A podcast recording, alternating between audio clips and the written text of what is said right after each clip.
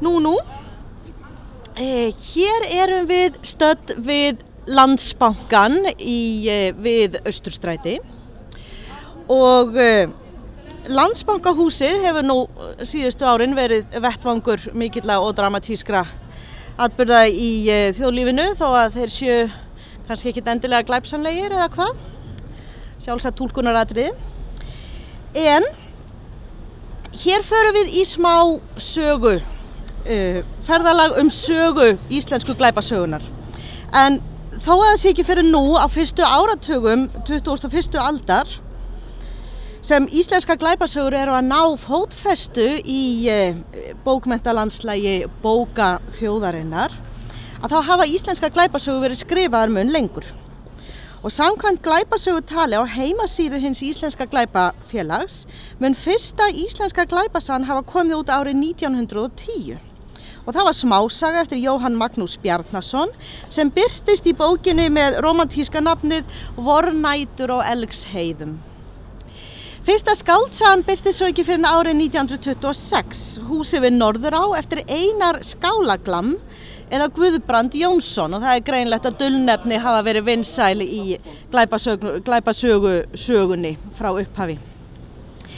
Landsbankin er svo sögusvið spennusögunar allt í lægi Reykjavík eftir Ólafið Faxafen sem var í reynd Fridriksson. Bókin kom út árið 1939 og lýsir tilraun til að brjótast inn í landsbankan. En þetta er ekki bankaræn, rán svona að nútíma hætti með, með grímu og, og bissu. Heldur reyna ræningjarnir að grafa göngað hætti Daltonbræðra í lukkulagabókunum. Og þeir reyðra um sig í húsum hér í kring, aðalega þó við hafnastræti, mæla vandlega út allar vegalengdir og svo byrjar heil mikil verkfræðileg vinna við jarðgangnagerð. Og við ætlum sem sagt að heyra stuttalýsingu á þessari moldvörpu starfsemi en e, þess maður geta svona e, hlustendun til upplýsingar að landsbankahúsi hér við Össustræti var semst uppalega byggt rétt fyrir aldamótin 1900. Og það er Einar Ólafsson, bókavörður og skáld sem les. Þegar við byrjuðum að bóra, dætt mér í hugað örugara væri að fara upp á götuna leggja þar hlustirnar að landsbankanum til þess að vita hvort nokkuð heyrðist til borvélarinnar upp í bankan. Ég fór því út. Lofti var þrútið og rigningarlegt og var slögt í flestum búðum og því drungalegt á götunni en einstaka maður sást þó á gándi. Ég lagði eirað upp að vegnum á landsbankanum þar yfir sem ég vissi að göndin lágu og fann ég þá ofurlítinn titring en hann var svo lítill að það láfið að ég held að það væri ímyndun. Ég vissi að engin maður var á neðri hæð bankans og heldur ekki upp á lofti í þeirri hlið sem snýri að austurstræti svo mér dætti huga að fara inn um vestritir bankans þar sem stíin liggur upp á loftið og hlusta þar við þylið.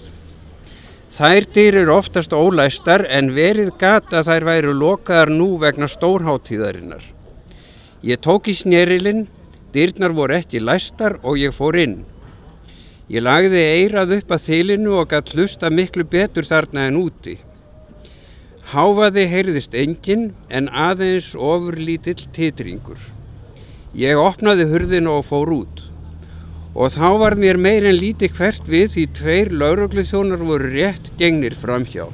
Ger ég ráð fyrir að þeim hefði þótt ég grunnsamlegur ef þeir hefðu séð fátið sem kom á mig.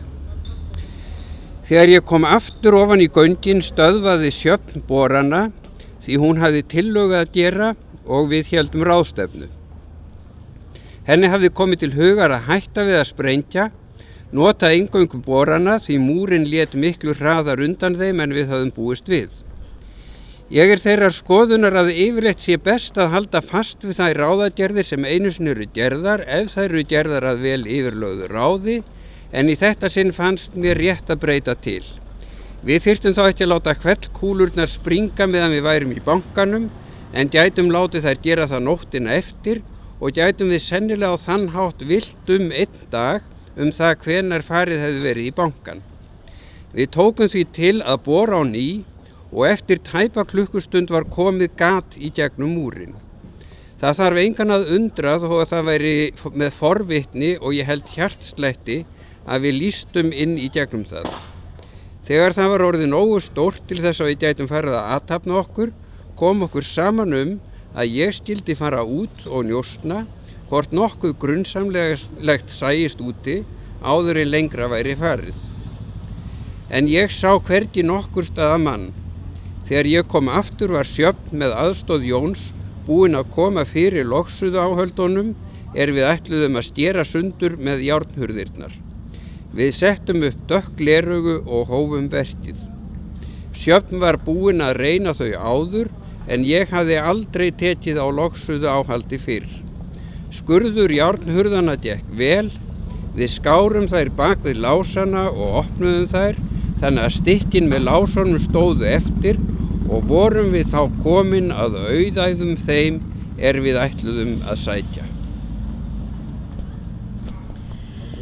Já, já, þarna heyrðum við sem sagt að bankaræningjónum og, og glæpa kvendinu sjöfn.